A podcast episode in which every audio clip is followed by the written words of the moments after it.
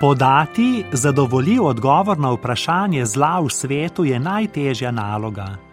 To, da mi, ne pa Bog, kreiramo gospodarsko, politično in družbeno krivico, napovedujemo vojne z nuklearno fuzijo, zlorabljamo otroke, izvajamo posilstva, povzročamo lakote in povečujemo ozonsko luknjo. Planet smo pripeljali do točke, ki jo imenujemo geocid, tako kot poznamo suicid, genocid, herbicid.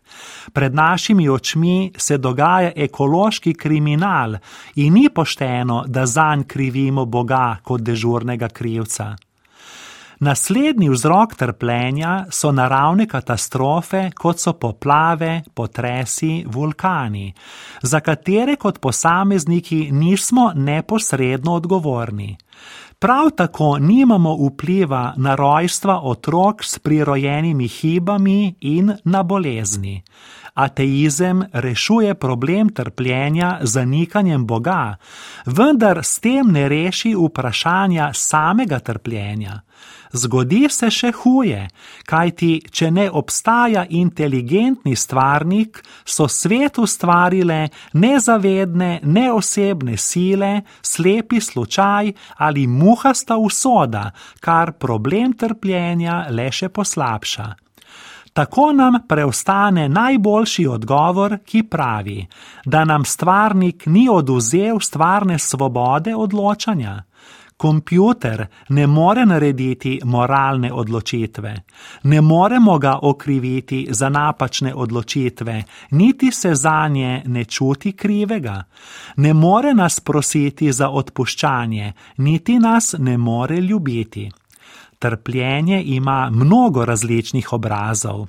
Pisec malega princa Antoine de Saint-Exupéry se sprašuje, ali sploh obstaja stvar, zaradi katere ni treba trpeti.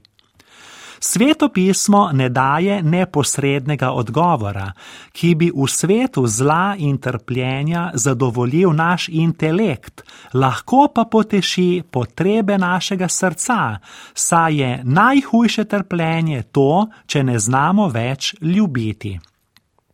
Iz svetega pisma zvemo, da je Bog vnaprej razpel varno mrežo pod nami, da ne bi popadali v brezno pogube. Bog vse ureja in vse usmerja k končnemu dobremu. Predvidel je rešitev človeštva in sveta ter pravično posledno sodbo.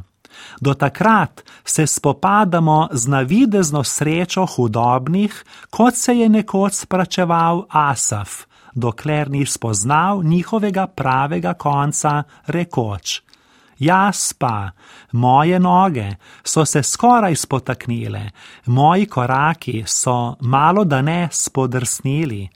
Torej sem sam za manj prečistil svoje srce in si v nedolžnosti umival roke saj sem bil pretepan vsak dan, vsako jutro me je zadela kazen.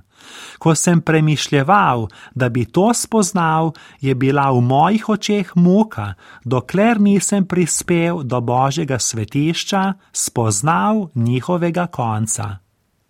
thank you